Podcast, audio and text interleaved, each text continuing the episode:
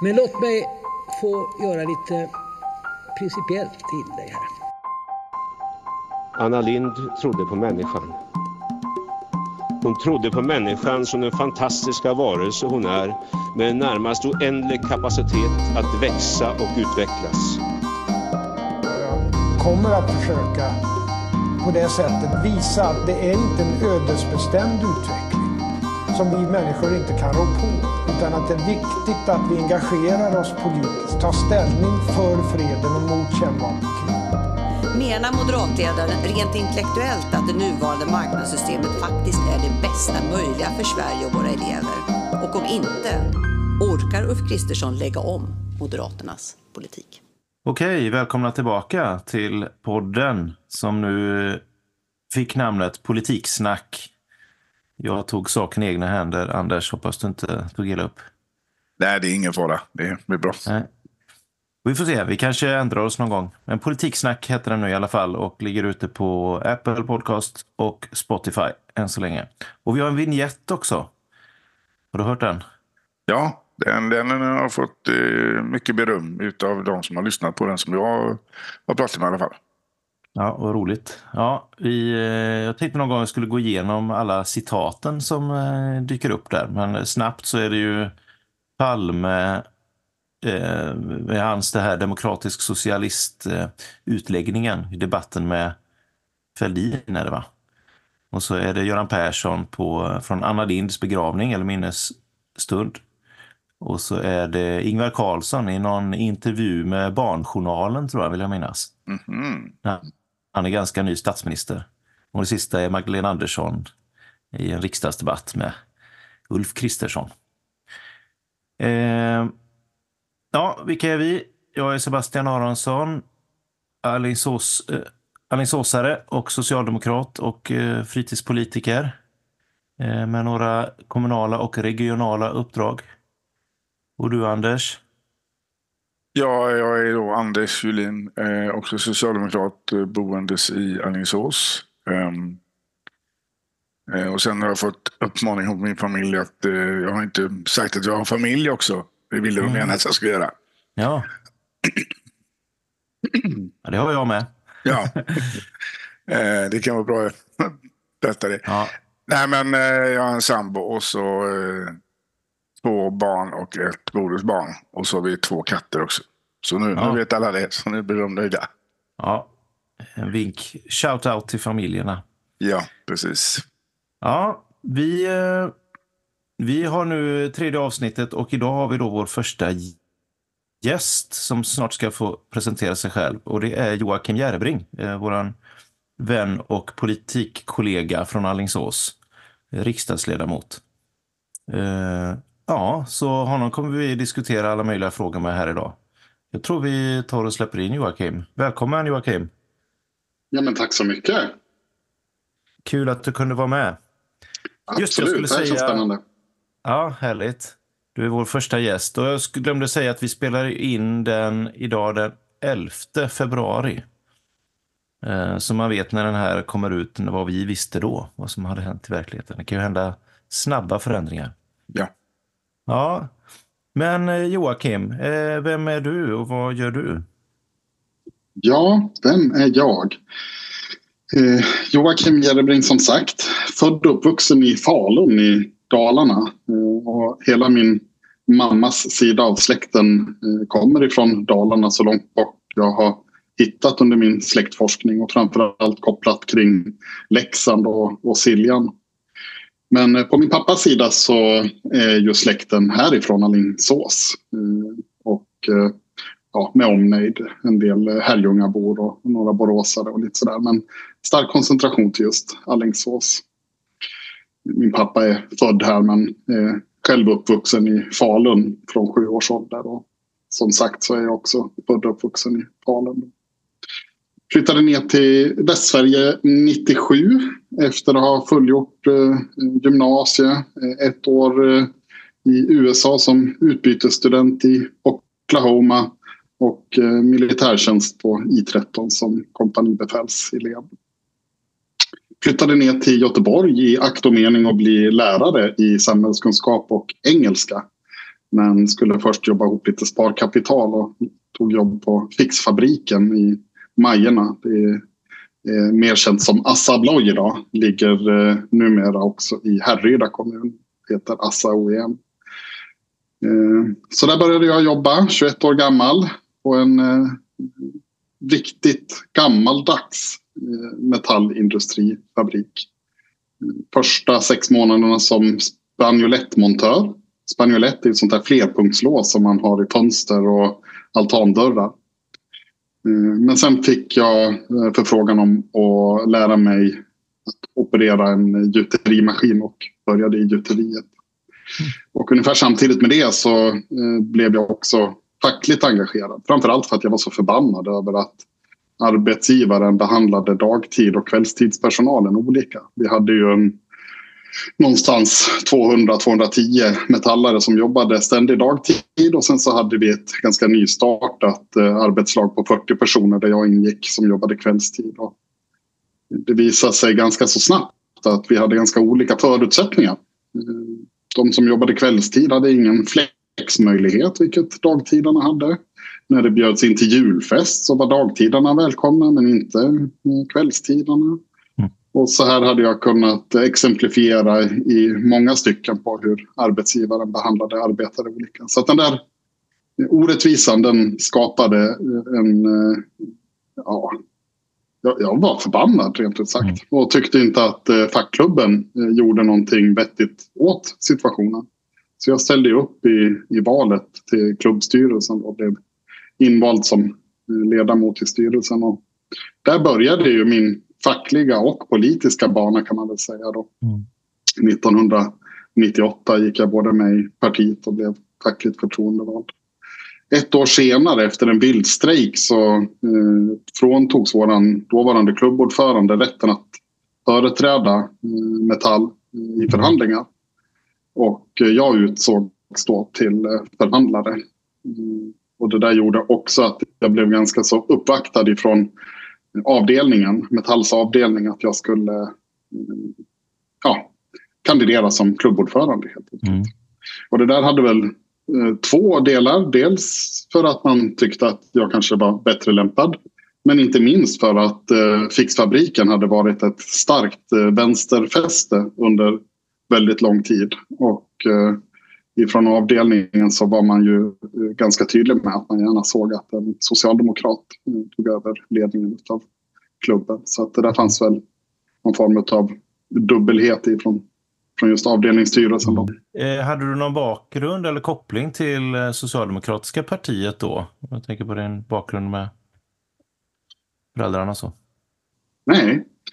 Eh, alltså, varken min pappa eller mamma var ju politiskt engagerade. Eh, båda jobbade otroligt mycket. Båda föräldrar har ju under hela min uppväxt varit eh, antingen egenföretagare eller småföretagare. Eh, min pappa startade två olika livsmedelsbutiker vilka båda gick i konkurs. Och det där har också präglat min uppväxt med väldigt eh, fattiga eh, förhållanden stundtals. Med ja, situationer där vi i princip inte ägde någonting. Utan, eh, Skatteverket var eh, ute efter alla inkomster man kunde få. Okay. Eh, och under min uppväxt så var både min mamma var eh, uttalat eh, sympatisör med Liberalerna och pappa röstade eh, ofta på Moderaterna. Mm. Sen dog okay. min mamma när jag var 17 då, så att Mm.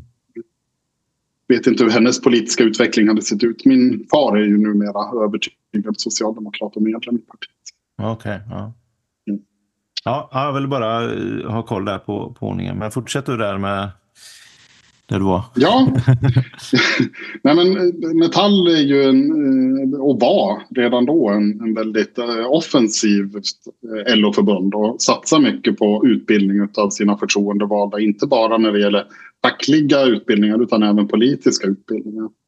Och jag tackade i princip alltid ja när jag fick frågan om att gå en utbildning. Och började GAF då, 99. Göteborgs arbetares folkhögskola, en treårig utbildning som även Anders precis har avslutat. Mm. otroligt bra utbildning. Eh, skulle väl säga att det, det jag missade under grundskolan och gymnasieskolan det fick jag mig till livs under GAF. Skaffade mig väldigt bra kunskaper om både arbetsrätt, eh, nationalekonomi, samhällskunskap och mötesteknik. Och, allt som man behöver för att vara aktiv både fackligt och politiskt skulle jag vilja säga. Och eh, jag eh, träffade i den här vevan också min eh, numera fru. Eh, och vi flyttade ihop i Frölunda. Och i valet 2002 så var jag eh, engagerad och kandiderade Eh, i den valrörelsen. Inte till fullmäktige men till eh, nämndsuppdrag. Så att mitt första politiska offentliga uppdrag fick jag i stadsdelsnämnden i Frölunda efter valet 2002. Och eh, sen eh, flyttade jag och Jessica till Allingsås 2005. I samband med detta så bytte jag också jobb då ifrån eh, Fixfabriken som gjutare och fackligt aktiv till fackförbundet SKTF, eh, numera Vision. Då, som organiserar tjänstemän inom offentlig sektor. Och där jobbade jag först som förhandlare eh, i två, tre år och sen så bytte jag och jobbade med utvecklingsfrågor. Sysslade med organisation och ledarskapsutveckling. Eh, hjälpa nybildade klubbar och nybildade avdelningar att eh, få igång sin verksamhet, hur man jobbar med verksamhetsplanering och så vidare. Och också utbildning av förtroendevalda. Mm. Och där är jag fortfarande anställd, även om jag har varit tjänstledig då sedan 2012 när jag blev oppositionsråd i Alingsås kommun. Just det.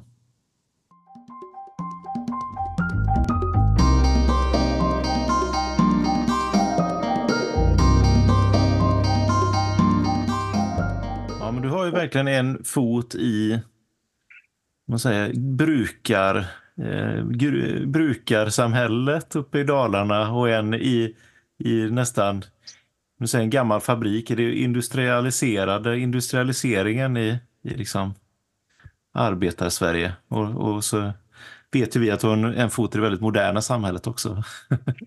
I nutiden och framtiden. Ja, mm. Intressant. Något du tänker på Anders som du vill följa upp här och fråga om?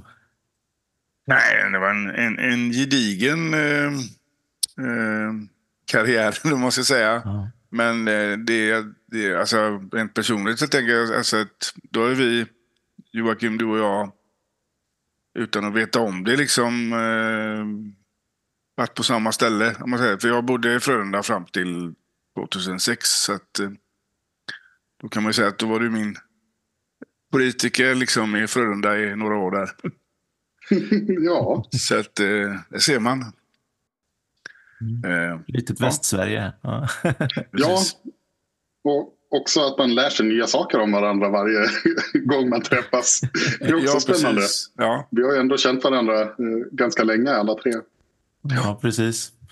Ja, det är bra att vi får sitta en stund och, och prata till punkt här. Det är inte alltid vi hinner göra det annars. Men, man har någon annans dagordning att följa ofta. Ja, och då blev du, du nämnde ju där att du blev oppositionsråd i Alingsås. Och du var ju också där vi lärde känna varandra när du var politiker och jag kom dit som eh, föreningsaktiv först och sen så fick ju du faktiskt med mig på banan när jag frågade om... Eller jag, jag blev självmant eh, medlem ska jag säga, men sen så visste ju du då vem jag var och då halkade jag in på ett bananskal på något uppdrag där. Mm. Sen har vi ju följt varandra ganska tätt. Mm. Ska vi, vill du berätta lite om de åren när du var kommun, vår liksom högsta kommunala politiker och, och sen? Ja. Mm. Eh, jag hade en ganska tydlig idé om eh, hur vi liksom skulle eh, vinna makten i Alingsås. Och att vi skulle göra det ihop med Miljöpartiet och Vänsterpartiet i första hand var, var liksom en, ja, en bred uppfattning i, i arbetarkommunen under den tiden. Och även om jag ville hålla öppet även för eh, tänkbara samarbeten med både Liberalerna och Centerpartiet. Och eh, inför valrörelsen då 2014 så försökte vi att sätta egentligen två bilder.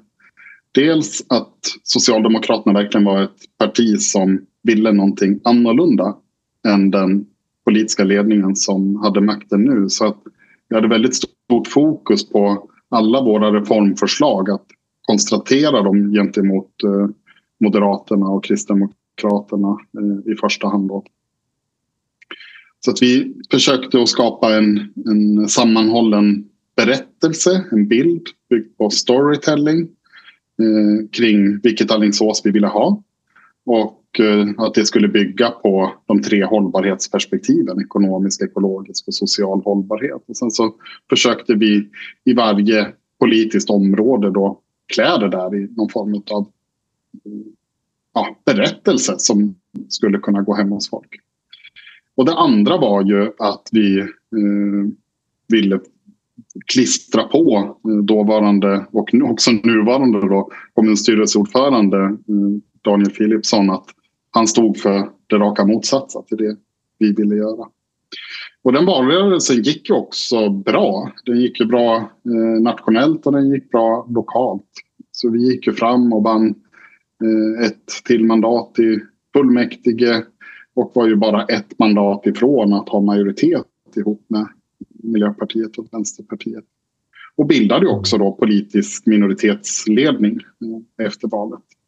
Efter ganska omfattande försök att få med oss framförallt Liberalerna som mm. var de som var mest öppna för diskussioner. Mm. Men vi lyckades inte få med oss Liberalerna. Moderaterna och KD sa att de hade inga förutsättningar att styra som en mindre minoritet. Mm. Så de släppte så att säga fram oss. De utmanade ju inte oss när vi tillsatte ordföringar i nämnder och styrelser. Och så. Mm.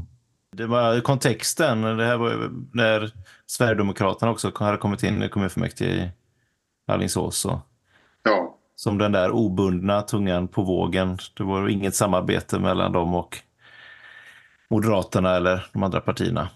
Nej, och så var det också på nationell nivå under den här tiden. Det var väldigt tydliga eh, avståndstaganden från samtliga eh, tidigare riksdagspartier gentemot mm. Sverigedemokraterna. Men eh, man får väl säga politisk skicklighet eller politiskt fulspel. Men eh, mm. Moderaterna och Kristdemokraterna fick igenom sin budget eh, tillsammans med Liberalerna, och Centerpartiet och Sverigedemokraterna mm. eh, på första budgetfullmäktige efter valet. Och då hade ju vi en stor diskussion i partiet huruvida vi skulle sitta kvar eller inte. Mm. Men efter försäkringar ifrån, ifrån Moderaterna att det här liksom bara var en, en olycklig händelse så att säga så valde vi att sitta kvar. Då. Eh, året mm. därpå så fick vi igenom vår egen budget. Då röstade Sverigedemokraterna aktivt på vår, precis som de hade röstat aktivt på, på mm. den tidigare alliansbudgeten året innan. Eh. Och det var väl ett år då med den här politiken som vi hade utformat uh, ur de här tre hållbarhetsperspektiven. Och vi kom ju inte så långt tyvärr i den omstöpningen. Nej. Däremot så fick vi igång en del arbete eh, kring... Eh, vi startade i alla fall arbetet med välfärdens långsiktiga finansiering. Och så mm. Men sen så fick vi ju återigen en alliansbudget när Sverigedemokraterna tredje gången då röstar på en annan budget än sin egen. Och då vann alliansbudgeten och då avgick ju vi och gick mm. i opposition istället. Under den tiden så jobbade vi ju eh, vidare med framförallt det här, den ekonomiska aspekten där vi hittade bred samsyn med både Moderaterna och Kristdemokraterna och Liberalerna kan man väl säga. För att eh, bygga en, en mer robust ekonomi i Alingsås som skulle kunna garantera välfärdens eh, finansiering framöver. Mm. Resulterade i någonting som kallades för handlingsplanen Effekt bland annat. Mm. Eh, så det, det var väl så jag avslutade i opposition. Då, totalt sex år som kommunalråd. Just det.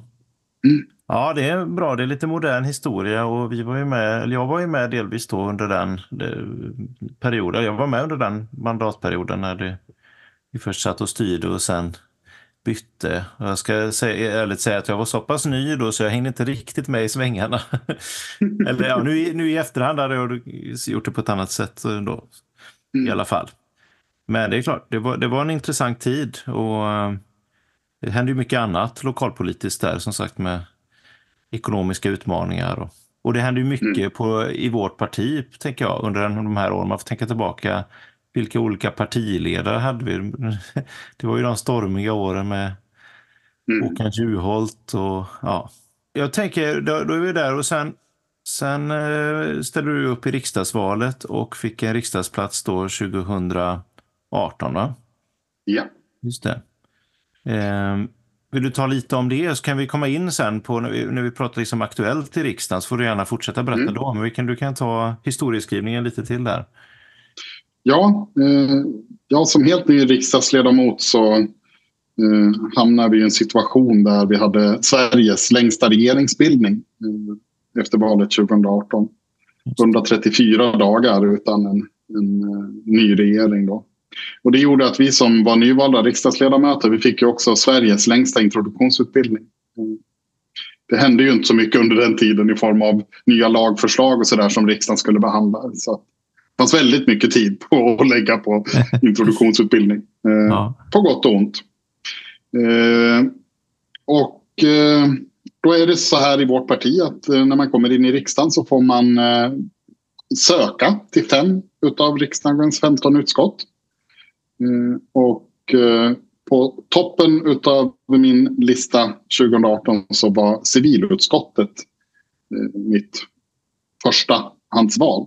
Därför att jag hade jobbat och varit väldigt engagerad i bostadsfrågorna eh, som kommunalråd i Alingsås. Och tyckte att det där är någonting som vi verkligen behöver få rätsida på. Så jag ville jobba med bostadspolitik. Det var jag väldigt klar med väldigt tidigt. När, redan när jag visste att jag skulle stå på valbar plats. Liksom, att det var det jag ville fokusera på.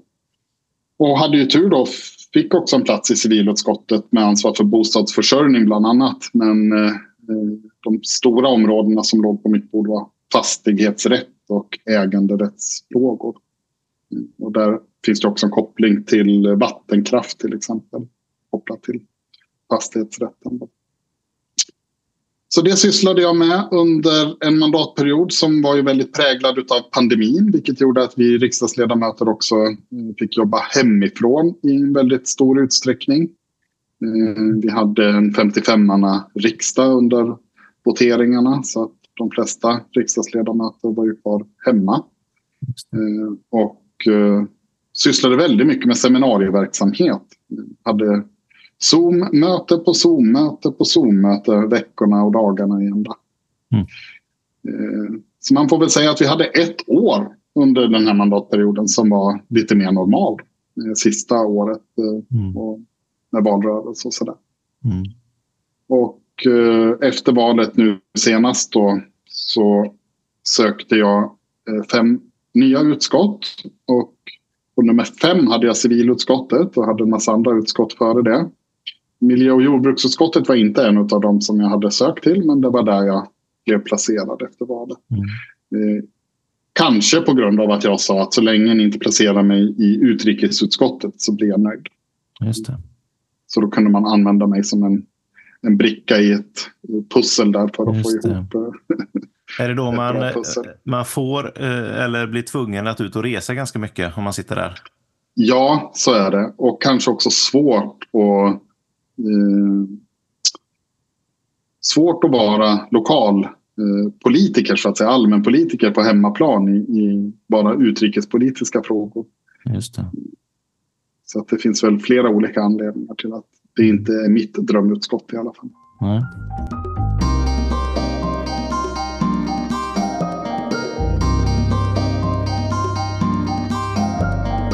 då tänkte jag börja med att följa upp det som jag lyfte förra gången. Då har vi fått en liten uppdatering. Kommer du ihåg vad det var, Anders? Eh, nej. nej. Jag slängde in eh, att jag hade läst att det var... Det strandade ju förhandlingar mellan eh, Hyresgästföreningen och ja. eh, bostadsbolaget Alingsåshem.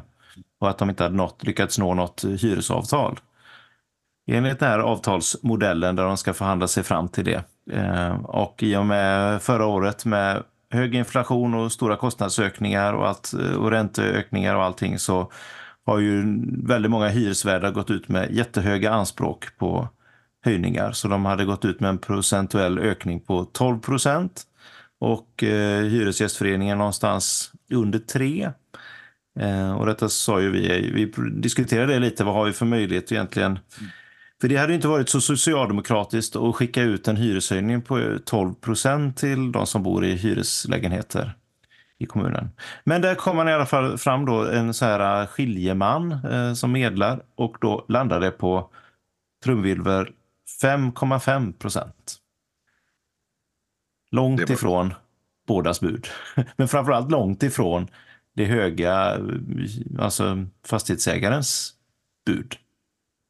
Tankar om det? Ja, men alltså, det ligger ju ändå, det ligger ju ändå, tänker jag, mycket närmare Hyresgästföreningen då liksom. Mm.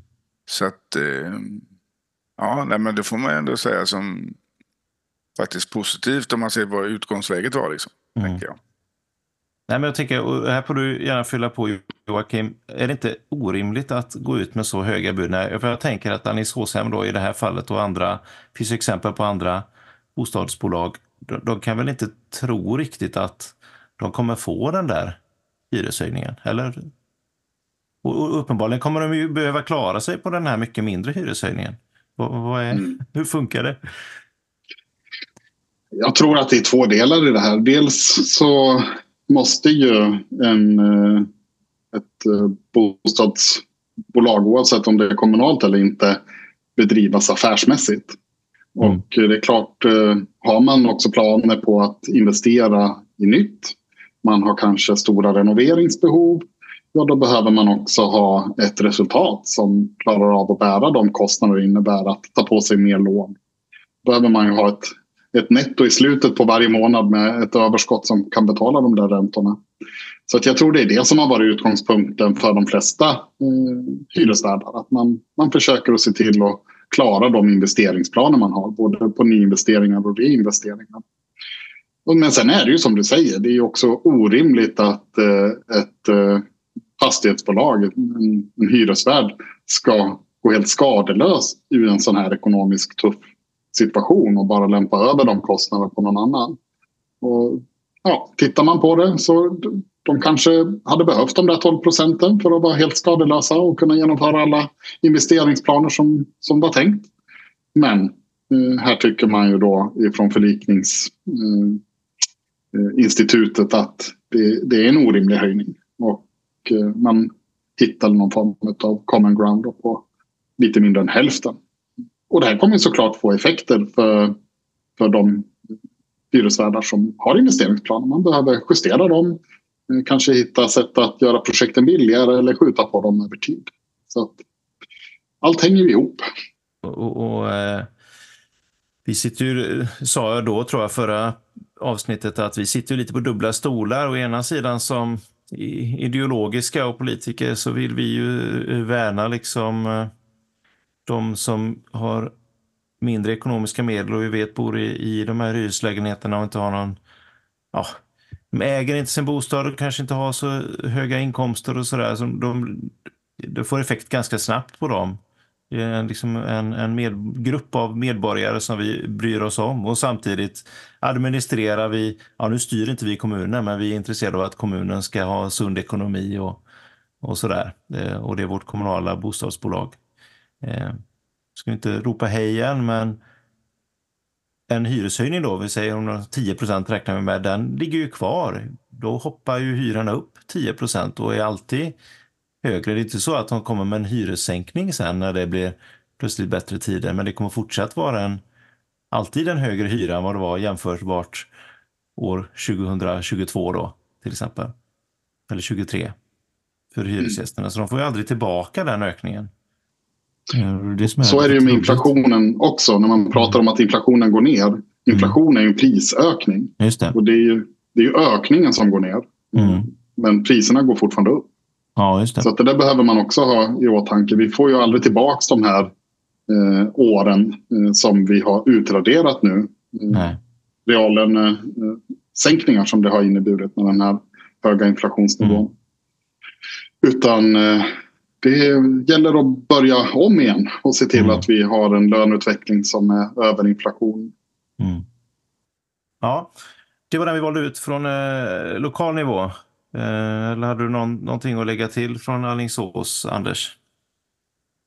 Um, nej, jag bara tänkte liksom flika in det när det gäller då bostäderna. Att, eh, visst att de, man, man behöver liksom pengar för att investera och renovera och allt sånt där. Men då kanske man skulle se över vad gör man liksom för att spara pengar för att liksom kunna renovera. Det känns inte som att men man låter saker och ting förfalla. Och så, alltså, nu, nu tänker jag rent generellt. liksom.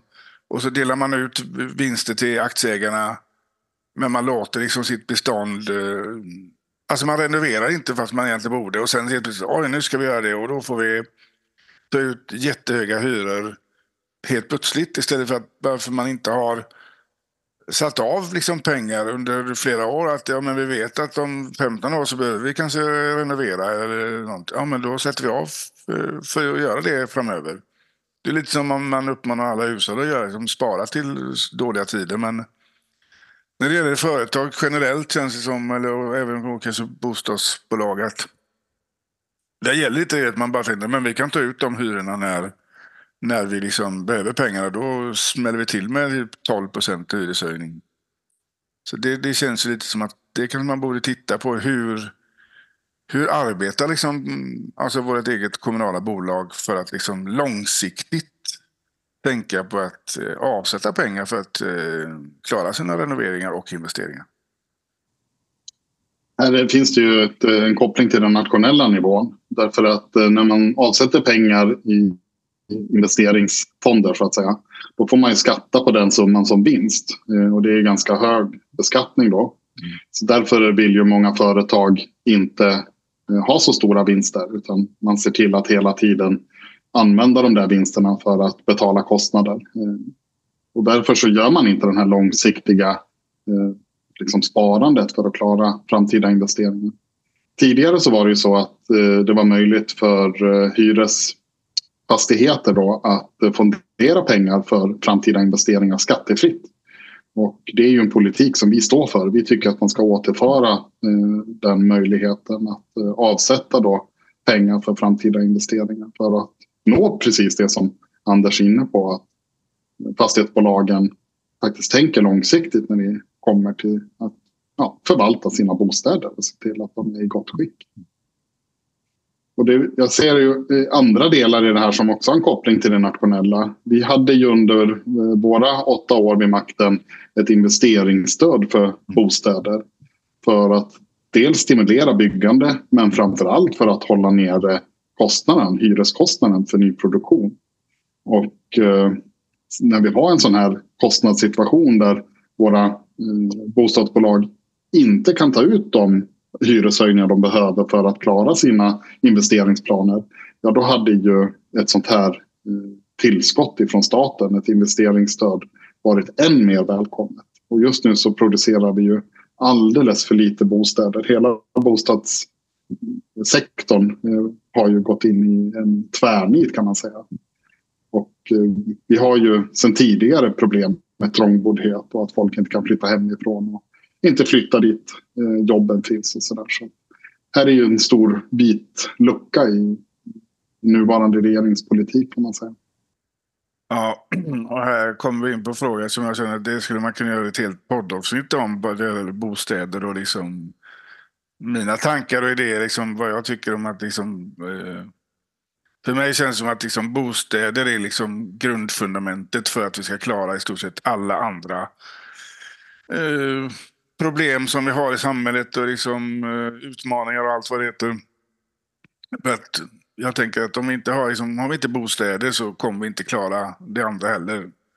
Och det, jag tycker att vi, vi pratar alldeles för lite om det, men det, det är nog ett, ett eh, senare poddavsnitt där vi kan liksom djupas, fördjupa oss i det mer, tänker jag. Det låter som en strålande idé. Jag tänker att det handlar om infrastruktur i en bred bemärkelse. Det handlar om elinfrastruktur, det handlar om transportinfrastruktur och det handlar om bostäder. Alla de tre delarna är liksom såna helt grundfundamenta för alla andra samhällsutmaningar vi står inför. Mm. Men då säger vi det, då, då har vi ett eh, infrastrukturavsnitt längre fram. Mm. Där vi fördjupar oss i, i de frågorna och våra tankar och idéer. Kanske vi kan få hjälp av, av någon som har suttit i civilutskottet och, och jobbat med bostadsfrågor. Ja. ja, välkommen tillbaka när som helst Joakim. Ja, jag Ja. tänkte eh, ta snabbt eh, vidare eh, och säga något om regionen innan vi kommer tillbaka och Joakim får prata mer om Aktuellt från riksdagen. Då. Och regionnivån där jag som sagt har vissa av mina uppdrag. Jag sitter ju i, är ordförande för styrelsen för logistik. Vi har hand om liksom försörjningsfrågor, alltså försörjning av material och mat och textilier och så. Verkligen brett i hela regionen. Vi står ju mitt emellan, men framförallt servar ju vi eh, sjukhusen. Det är det som är de största verksamheterna. Ehm, och där pratar vi mycket beredskapsfrågor för tillfället. Eh, Vi har fått stora utredningar på vårt bord när man ser över beredskapslagring som man upptäckte under pandemin att regionerna saknar eh, till mångt och mycket. Eh, Och eh, man är inte riktigt i tagen än. Liksom. Vi, vi har inga nya beredskapslager klara, även om det är några år sedan nu med pandemin. Men man, det blev ett tillfälle att man började se över de här frågorna och se hur, hur ska vi ha det? Ska vi bygga upp mobbförråd igen med saker som ligger på hyllor i 25-30 år eller hur ska vi göra? Eh, så det är grejer man följer och, och man ska sammanfatta det väldigt kort så är det ju att man ser att det finns vissa, inte enorma, men vissa investeringsbehov. Vi behöver bygga upp utöka våra möjligheter att ha, ha lite större lager men också där det, det finns ett flöde hela tiden. För man kan inte bara lägga grejer på hyllor för de kommer bli gamla. Och vi vet inte, men ändå liksom rusta, ha en lite robusthet mot det här med när leveranser stryps och så, när det går ett fartyg på grund någonstans eller blir krig någonstans eller blir en, en pandemi eller någonting. Eh, och där vet regionen ungefär vad man skulle behöva göra. Eh, det konstiga blir ju att det rimmar väldigt illa med vad som sker på nationellt nivå, vilka förutsättningar man ger regionerna som också då ska konkret på sjukvårdsnivån vara rustade för kris och eh, i värsta fall krig. Eh, där man ger signaler om att det är, vi måste ställa oss in på att det kan bli krig i Sverige och samtidigt så skickar man då väldigt, väldigt lite, eller för lite pengar från staten till regionerna för att klara sitt grund, mer grundläggande uppdrag, alltså sköta sitt uppdrag nu i, i freds och normal tid. Då.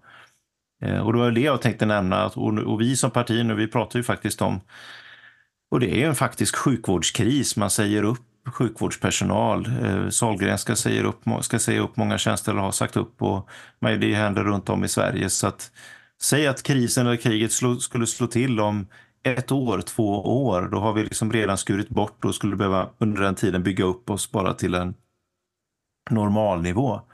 Eh, och detta ska det vara en debatt om, vet jag, ett specialavsnitt ikväll på SVT, Agenda. Eh, där våran eh, regionstyrelsens ordförande Helene Eliasson kommer vara med bland annat och berätta om ur vårt perspektiv i Västra Götalandsregionen. Då. Okej, vi är region och vi har eh, styr och ett ansvar och en beskattningsrätt och allt det där, men vi är ju, alla regioner är ju ändå väldigt mycket i händerna på hur statsbudgeten sköts och hur statsbidrag delas ut och så. Och eh, under pandemin när vi hade våran, eh, den socialdemokratiska ledda regeringen så såg vi hur man hanterade det. Då gick ju regionerna med stora överskott istället där vi fick verkligen alla medel som vi behövde för att sköta det, det krisen som var då. Det är den närmaste största krisen vi har haft på länge. Eh, Och, och är signalen att det är samma krisläge nu, fast av andra skäl, då borde man ju, kanske tycker vi, gissar jag alla, hantera det på ett annat sätt ifrån regeringens sida.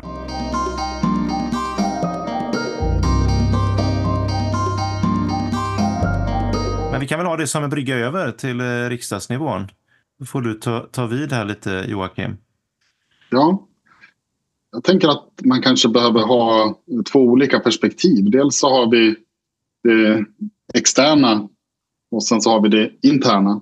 Och i det externa perspektivet så har vi väl två stora skeenden som eh, påverkar oss men också hela världen. Och det ena är ju kriget i Ukraina eh, Det är krig i Europa. Det har vi inte haft sedan andra världskriget i den här omfattningen. Och eh, det, det, påverkar ju allt. Det påverkar allt ifrån handel, det påverkar de politiska diskussionerna i världen, i EU.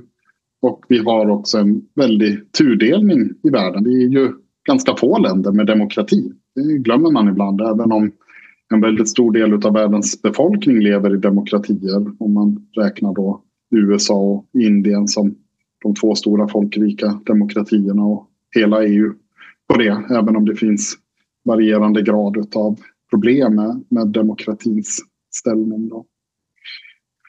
Och vi ser ju hur många länder i mm, Asien och Afrika sällar sig till Ryssland i den här pågående konflikten. Man motsätter sig eh, eh, ytterligare sanktioner och så vidare.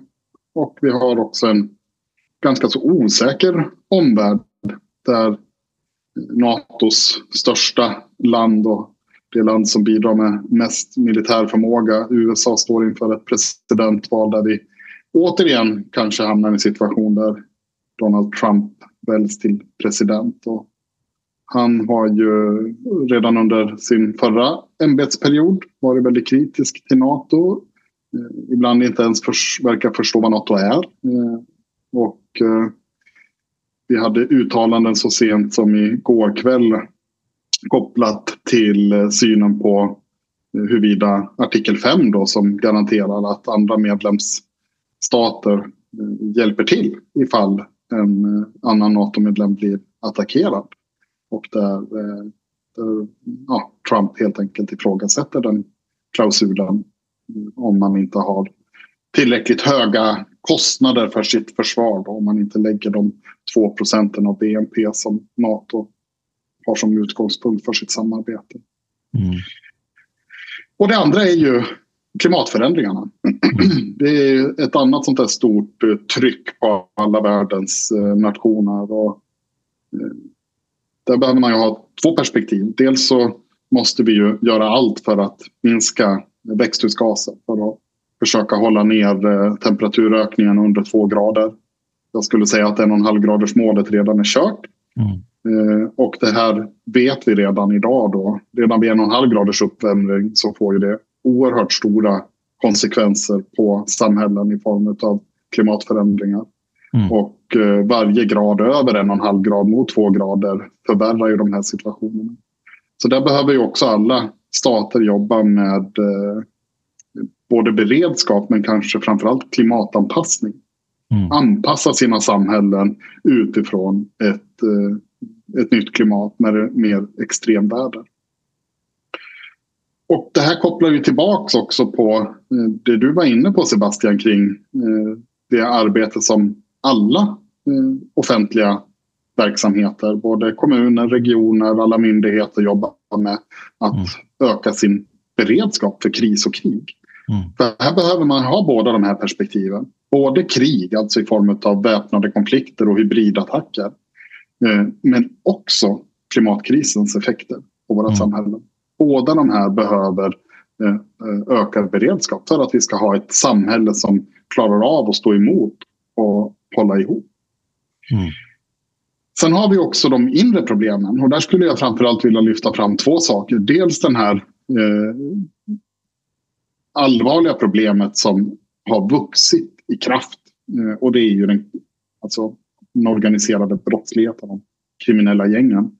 Där vi har sett en gradvis utveckling där uppgörelser inom de kriminella nätverken förr handlade om att man kanske eh, stack ner konkurrerande personer i rivaliserande gäng med kniv till att gå över till skjutvapen, eh, till att gå över till eh, skjutvapen i offentliga miljöer med helt oskyldiga människor som får eh, bevittna och i värsta fall också drabbas av vårdaskott. Eh, till sprängningar som drabbar ju jättemånga med stora ekonomiska skador på liksom fastigheter, företagsverksamheter och privatpersoner. Och den andra delen i det nationella perspektivet som jag tycker är viktig att lyfta fram. Det är ju den allt ökande graden av ojämlikhet. Alltså skillnaden mellan vanligt folk och de rika i samhället ökar ju i en aldrig tidigare skådad eh, grad av liksom, snabb utveckling. Eh, mm.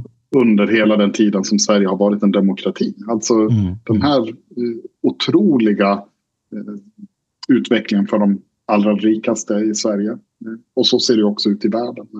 Finns det, finns det någon prognos på om, att, om det kanske får ett hack i kurvan? Om man tänker någon ljusning i allt elände. Eh, så när världsekonomin har gått ner som den har gjort och vi på privatekonomiska liksom, eh, planet också. Eh, ja, det har varit 20 år av liksom, gratis pengar. Liksom, man har, det, den, det har ökat väldigt mycket i Sverige, den ojämlikheten. Kan det finnas någonting där, tror du, som gör att det, de som har det bra kanske får det lite mindre bättre och de som har det sämre kanske kommer ikapp lite? Eller är jag naiv där? Det, ja, det ser i alla fall inte ut så. Den stora drivkraften bakom de här inkomstskillnaderna det är ju att de rika människorna de blir rik på att redan vara rik. Alltså man har inkomst av kapital. Mm. Och eh, det finns inte en tydlig koppling mellan den reala ekonomin, alltså den vi, de flesta av oss lever i, och eh, den finansiella ekonomin, alltså börsen. Mm. Eh, och just inkomsterna från börsen, eh, det är där de rika drar ifrån. Så att tyvärr så inte ens en sån här oerhört negativ påverkan på realekonomin över hela världen påverkar inkomstutvecklingsskillnaderna. Utan de rika blir allt rikare. Okej. Okay. Ja. Så det är det perspektivet som jag tycker att man kan ha på, på den nationella politiken. Och sen får ni, får ni gärna hjälpa mig och, och ja. grotta i vad vi ska grotta i. Ja, absolut. Vi, det är ju väldigt intressant allting och det är ju en, en eh, ynnest att få ha med det här eh, ditt direktperspektiv in. Nej, men jag tänkte man får en nulägesbild lite av eh, vad händer i riksdagsarbetet, kanske den socialdemokratiska riksdagsgruppen? Vad är, är det närmsta eh, man har för sig nu? Eh, ser man, följer man regeringens arbete? Får gärna nämna lite valtakt eller lite politiskt taktiskt också. Eh, mm. Avslöjar vi lite för våra lyssnare. Hur man ser det internt. Nej, men det, är, det är också en uttalad eh, man, ambition vi har här i podden att vi ska vara transparenta. Vi är socialdemokrater, det är vi öppna med, men vi är också fria i tanken här och kan vara kritiska mot vårt eget parti lokalt och nationellt och, och vara öppna med hur vi tycker att man kanske skulle gjort annorlunda i vissa mm. frågor och sådär. Eh, så det får du gärna reflektera lite över. Ja, och egentligen så har man ju som riksdagsledamot två liksom, stora eh, uppdrag. Det ena är ju att vara aktiv inom sitt utskott och framförallt inom det ansvarsområdet som man själv har. Eh, och då handlar det om att granska regeringen, vara aktiv med att ställa skriftliga frågor, interpellationsdebatter för att liksom peka på sånt som man tycker att den här regeringen gör fel eller gör för lite av. Så. Och det andra är att vara allmänpolitiker och eh, ja, vara en del av den samlade eh, dialogen som 107 riksdagsledamöter kan vara eh, med att få ut nationellt budskap. Eh, och då bygger ju det på vår mellanvalsstrategi där vi ju har fokus på då tryggheten eh, och det är ju både utifrån ett eh, nationellt säkerhetsperspektiv med uppbyggnaden av försvaret, beredskapen, medlemskapet i Nato och inte minst då frågan kring gängkriminalitet och se till att eh, ha, vara tuffa både mot de kriminella men också mot eh, orsakerna bakom kriminalitet, alltså det förebyggande arbetet. Eh, fokus på eh, välfärden såklart, ett samhälle som håller ihop. Eh, och där pekar ju vi väldigt mycket på det som du var inne på Sebastian tidigare här, på sjukvårdskrisen. För just nu, även om det är tufft för både kommuner och regioner, så är det eh, som allra tuffast när det gäller sjukvården. Och vi har en rejäl sjukvårdskris. Och regeringen gör ju inte tillräckligt mycket för att hantera detta och det försöker vi på olika sätt eh, peka på. Vi hade en, en historiskt lång interpellationsdebatt där alla eh, regionerna var representerade i debatt mot ansvarig minister. Det tog historiskt lång tid den här interpellationsdebatten. Och där exemplifierade man ifrån respektive region vad effekterna av regeringens politik är på det här området. Mm. Och sen har vi fokus på, på klimat och miljöfrågorna så att säga. Eh, och att den gröna omställningen ska vara någonting positivt. Ska leda till, till tillväxt och nya gröna jobb eh, i hela Sverige. Både kopplat till storstadsregionerna men inte minst som vi ser också då i norra Sverige. Mm och kompetensförsörjningen som är kopplat till det. Då. Det som vi också var inne på tidigare med infrastruktur, både transportinfrastruktur, elinfrastruktur och elproduktion.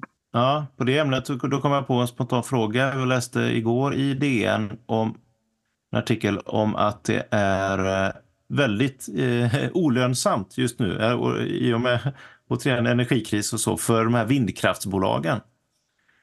Eh, är du insatt i det och eh, påverkar det eller påverkar det debatten om det är eh, satsningen på vindkraft eller inte och sådär. Jag gissar att det ger vatten på kvarnen för de som eh, av någon ideologiskt skäl är emot vindkraft. Ja, det kan man ha olika perspektiv. Som konsument så är vi väl oerhört glada att eh, det blåser mycket och vi inte behöver betala nästan någonting för elen vi konsumerar. Eh, och för de bolag som äger de här vindkraftsnurrorna så blir det ju tufft när man har månader med mycket vind eh, mm. och inte så hög avsättning för eh, elproduktion. Då. Vilket gör att man kanske går med förlust. Man får sälja eh, eller till och med eh, skicka med pengar när man skickar ut el på elnätet då, för att det finns ett stort överskott på el. Det här kommer ju dock att eh, jämna ut sig i takt med att vi får eh, mer kapacitet för lagring av energi Mm. Det är ju både i form av batterikluster som byggs. Svenska kraftnät har ju ett uppdrag. Svenska kraftnät är ju det statliga verket som ser till att hela vårt elsystem fungerar. Eh, mm. Och ser till att det alltid finns ström i, i kablarna när vi behöver det.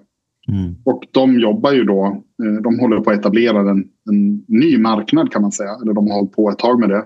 En balansmarknad där olika aktörer har möjlighet att sälja balanstjänster då till Svenska kraftnät i form av lagring och att snabbt kunna skicka ut ström eh, i elnätet när det behövs. Och eh, tidigare så har ju all den här balanskraften kommit ifrån vattenkraften för det är den som snabbt går att reglera. Där har ju inte kärnkraften eh, möjlighet att, att vara en snabb omställning när det sker snabba förändringar i elkonsumtionen eller eh, ja, när, när det sker förändringar helt enkelt.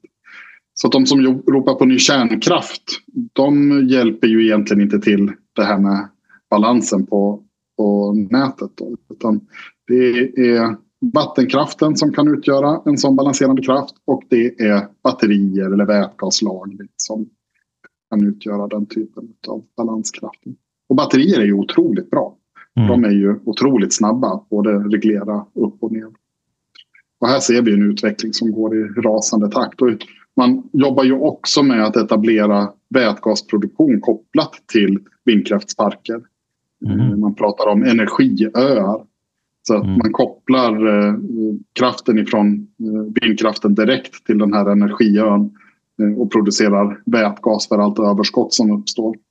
Eh, och då kommer ju vindkraftsbolagen också få en ekonomisk avsättning för den här överproduktionen. Därför att det finns balansaktörer på marknaden som är intresserade av att köpa eh, eh, elöverskott. Mm. För att de får ett, en peng när de säljer det där elöverskottet när det är brist på produktion. Mm. Så att eh, jag skulle säga att vi har ju, till skillnad från vad regeringen säger, de brukar ju återupprepa att vi har ett nedmonterat elsystem. Tittar man i internationella rankingar så ligger Sverige topp tre på de absolut mest stabila elsystemen i hela världen. Okay. Och jag, ja, min bild är ju att den här marknaden kommer att lösa det själv om inte den här regeringen då tvingar fram investeringar i dyr, dyr kärnkraft så att vi får betala mycket mer för elen. Jag tänkte bara haka på där lite grann. Eh, jag tänker på eh, med att man då säger att vindkraften inte är lönsam och så här. Men då tänker jag så här. Det är jättemånga branscher och företag som tar många år innan de blir lönsamma.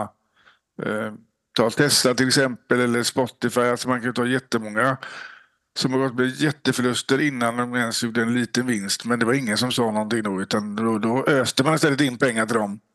Man såg att i framtiden så kommer de generera stora vinster.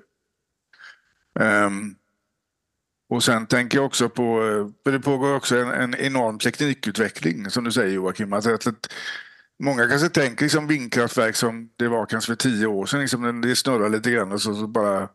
Men det pågår en ständig utveckling som också gör att det kommer ju bli mer lönsamt i framtiden. Alltså, och någonstans måste man ju börja. Jag tänker Eh, till exempel när, eh, den första platt-tvn kom. Jag kommer ihåg det eh, än idag att Philips hade en reklamfilm där de tog en 32-tums platt-tv som hängde på, i taket. Och den kostade typ 100 000. Och jag menar den tekniken som var i den tvn, den har inte ens liksom ja, betalat en krona för då tänker jag. Så att liksom, och, och, idag så är det ingen som liksom tänker, så då tänker man, åh platt-tv det kommer liksom aldrig att bli, det är liksom så här jättelångt fram. Men idag så, vadå, det konkurrerar ut tjock-tv fast man kanske ett tag eh, ville ha det för att det var en beprövad teknik och liksom det har alltid funkat. så här. Och också nu, nu pratas det om att eh, ja, men nu går marknaden för elbilar ner. Ja, men det pågår också en ständig utveckling där som gör att om, om några år så kommer troligtvis då elbilarna att bli mycket mer prisvärda. De kommer bli mycket mer... Tekniken kommer att gå fram. Det är lite samma sak där. Att liksom, men det känns som att de, de som av ideologiska skäl inte vill ha det här, alltså som bara vill ha kärnkraft och som bara vill ha liksom, ja, det som alltid har funkat, det ska, det, det, det ska fortsätta så. Liksom de går gärna in på det tänker jag att liksom, ja, men nu, nu går det dåligt och då, då är det kast. Man tänker liksom inte på att jo, men det är alltid så att när det kommer nya grejer så blir det först en hype och sen så liksom går det ner lite grann. För att liksom kostnaden kanske har skenat. Men det är därifrån tänker jag som det verkligen liksom börjar. Tekniken mognar och branschen mognar och blir liksom och tar över till slut. Mm. Det här är ju någonting som man eh, liksom i nationell politisk bevakning kallar för kulturkrig. Och ibland kan man ju förledas att tro att kulturkrig har någonting med invandring och andra kulturer att göra. Men det är det ju inte. Utan kulturkrig är ju egentligen ett sätt att peka på att man gör en fråga laddad med olika värden istället för att titta på fakta. Och där har vi ju eh, dagens energipolitiska diskussion där eh, högerpartierna av ideologiska skäl eh, vill bygga kärnkraft. Men det finns inte mycket fakta som liksom stödjer att det där skulle vara speciellt smart. Alla experter säger att nej men, eh, om vi ska bygga kärnkraft så sker ju det först eh, efter 2035. Om vi bygger kärnkraft så kommer vi inte att kunna göra det på marknadsmässiga villkor. Om vi bygger kärnkraft så behöver man eh, i så fall med statlig garanti gå in och göra produktionsstöd precis som man har gjort i Frankrike och Storbritannien. Och det gör ju att varje gång som det börjar blåsa ja då vrider man på kranen på eh, våra skattepengar som åker rätt ut till de här kärnkraftsproducenterna för att de blir garanterat ett visst pris för sin eh, elproduktion. Eh, det kostar Storbritannien alltså, det är helt sjuka summor som de lägger skattepengar på att subventionera kärnkraften. Och jag förstår liksom inte hur den politiska debatten utifrån ett journalistiskt perspektiv inte är mer fokuserad på fakta. Utan att även journalisterna är inne i det här att jo, men det är en politisk gångbar åsikt att tycka att vi ska bygga mer kärnkraft. Utan att man liksom granskar caset. Så det, där tycker jag både vi politiker, mm. som vi som oppositionspolitiker men också journalister har ett arbete att göra. Ja, det blir en falsk balans att man hela tiden, ja, det, å ena sidan finns det vindkraft och å andra sidan finns det kärnkraft och så är man för eller emot det och, och det är kopplat till identitet också. Mm. Eh, man kan klistra på liksom att kärnkraften är de som är hårda och ordentliga och vindkraften är de som är flummiga och ja, miljömuppar, mm. typ. Mm, precis. Ja. Eh, ja, och, och där tänker jag också att eh, om man nu då, alltså, jag har aldrig, ska jag säga, tagit ställning för eller emot kärnkraft. Men jag tänker också säga att nu, nu om man då ska liksom ha statliga garantier på astronomiska summor av miljarder. Då tänker jag säga att ja, men ska vi ha det, då ska staten äga det till 100 procent. Alltså då ska vi äga det i så fall. För att den dagen det i så fall genererar någon typ av vinst, då är det vi som ska få tillbaka det. Inte liksom att vi subventionerar garantier till eh, andra företag eller kanske andra länder liksom, så att de ska ta del av det. Nej, men ska vi ha så stora investeringar, då, då, är, då, är det ju, då ska staten äga det till 100 procent, tänker jag. Sen så kan man ju fråga sig varför vi ska satsa på eh, 60-talsteknik. Ja. Istället för att bygga ett nytt modernt elsystem som är decentraliserat och som bygger på principen att vi ska ha leveranssäkerhet, vi ska ha robusthet i systemet, det ska vara svårt att liksom störa ut och vi ska ha låga energipriser. I den mixen så har liksom kärnkraften egentligen ingen plats. Det är klart att vi ska använda den kärnkraft vi redan har som är liksom avbetalad och klar. Den genererar ju väldigt billig el för att vara kärnkraft. Den ska vi använda så länge det är möjligt. Men att satsa på kärnkraft framöver när vi i princip har samma teknik som vi hade för eh, 60 år sedan. Det, det, har inte hänt speciellt mycket med kärnkraftstekniken. Det man pratar om är så små modulära reaktorer men de bygger på exakt samma teknik. Mm. Det är bara att de är mindre och att man har en förhoppning om att man ska kunna eh, producera dem enligt någon typ av löpande bandsprincip. Så att ja. Jag, Jag har ju inte någon ideologisk motstånd till kärnkraft. Jag är bara eh, noga med att vi ska få billig el till oss konsumenter och till våra företag. Och då ser jag inte kärnkraften som en, som en framtid. Och här har vi ju politikens baksida måste vi väl konstatera och, och, vi kan ju vara de första att erkänna att vi har säkert varit skyldiga till det någon gång också där man ser att en fråga är eh, politiskt gångbar. Man vinner på att prata om den. Och, och det var väl i princip så, eh, alltså, ja det var så då, där dagens regering helt enkelt vann majoritet i förra valet. Att de pratade om detta och det var en vinnande fråga upptäckte de. Att folk fick höra ja men kärnkraft är nog en bra idé för den innebär inga utsläpp men den levererar massa el även när det inte blåser. Och, och så förenklat blir det och ju mer de pratar om det desto mer ökar deras väljares stöd. Mm. Även om de, många där är kloka också och vet om att det är mycket mer komplext och vet mycket väl om att man inte hinner bygga upp något kärnkraftverk innan vi måste vara nere på på i princip noll koldioxidutsläpp och, och det finns bara ett par andra kraftslag vi skulle ha möjlighet att hinna bygga upp en rimlig kapacitet tills dess mm. inom. Och det är vindkraft och eh, till viss del solel och sådär. Mm. Det är bara de som kan hinna, eh, hinna byggas upp. Men de förlorar på det rent politiskt om man skulle liksom släppa den frågan och, och bara som du säger gå på det rent konkret. Vad vet man funkar? Vad skulle man hinna bygga upp? Mm. Mm. Så är det. Mm. Det väl, ligger väl någonting i det här citatet att demokrati är skit men det är det bästa eh, system vi har kommit på hittills. Ja. Ja, precis. Det är bättre än alla andra dåliga ja. alternativ vi har testat. Ja, Okej, eh, vi ska börja runda av. EU eh, e nämner vi bara eh, att det är EU-val den 9 juni. Det kommer vi nämna varje gång vi har poddavsnitt här så att folk inte missar det. Eh, vi kommer eh, framöver bjuda in våra lokala EU-kandidater Anton Cesar och berätta mer om det. Eh. Där får jag väl bara säga det att eh, det här EU-valet känns ju viktigare än något tidigare EU-val med tanke på att EU dels, just nu i alla fall, är ett av de starkaste eh, systemen för att värna demokrati i världen. Särskilt när det svajar i USA. Och EU har ju verkligen ledartröjan på sig när det gäller klimatkrisen. Mm. Och vill vi fortsätta att EU ska vara den här progressiva kraften för demokrati, för klimatomställning och minskade utsläpp. Ja, då behöver vi också ha en eh, tydlig vänstertyngd på det kommande EU-parlamentet. Så därför är det viktigare än någonsin att gå och rösta i det här valet. Ja, jättebra. Men det får, det får nog eh, på något sätt summera det här avsnittet. Och eh, det avsnittet vi fick ha med dig som gäst, Joakim. Det var väldigt roligt och intressant. Tack ja, för att du kom. Det var roligt för mig med. Ja, härligt. Och eh, vi eh, sa nog i början att vi skulle ha dagens ämne. Vi, vi, dagens ämne blev helt enkelt att prata mycket med Joakim kring de här olika politikområdena som han är kunnig inom. Och eh, vi, vi plockar upp eh, tankarna vi hade till idag, till nästa gång helt enkelt.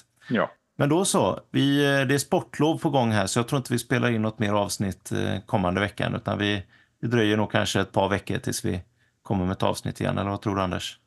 Ja, jag tror väl det. Och det känns väl också ganska naturligt att kanske ha ett par veckor i alla fall emellan. Mm. Mm. Vi gör ju ändå detta ideellt och på vår fritid. Så att... Just det. Så då får våra lyssnare hålla till godo med de här tre första avsnitten som finns. Eh, och det här var ju verkligen ett eh, höjdaravsnitt, för, man får säga det själv. Ja. Mycket matnyttigt att lyssna på. Eh, så på återhörande, och du är välkommen tillbaka när du vill Joakim. Det är bara att ni säger till. Ja, härligt. Ja. Tack och ha en trevlig eh, fortsatt söndag. Detsamma. Hej, hej. Hej. Anna Lind trodde på människan. Hon trodde på människan som den fantastiska varelse hon är med en närmast oändlig kapacitet att växa och utvecklas. Jag kommer att försöka på det sättet visa att det är inte en ödesbestämd utveckling som vi människor inte kan rå på. Utan att det är viktigt att vi engagerar oss politiskt, tar ställning för freden och mot kärnvapenkrig. Menar moderatledaren rent intellektuellt att det nuvarande marknadssystemet faktiskt är det bästa möjliga för Sverige och våra elever? Och om inte, orkar Ulf Kristersson lägga om Moderaternas politik?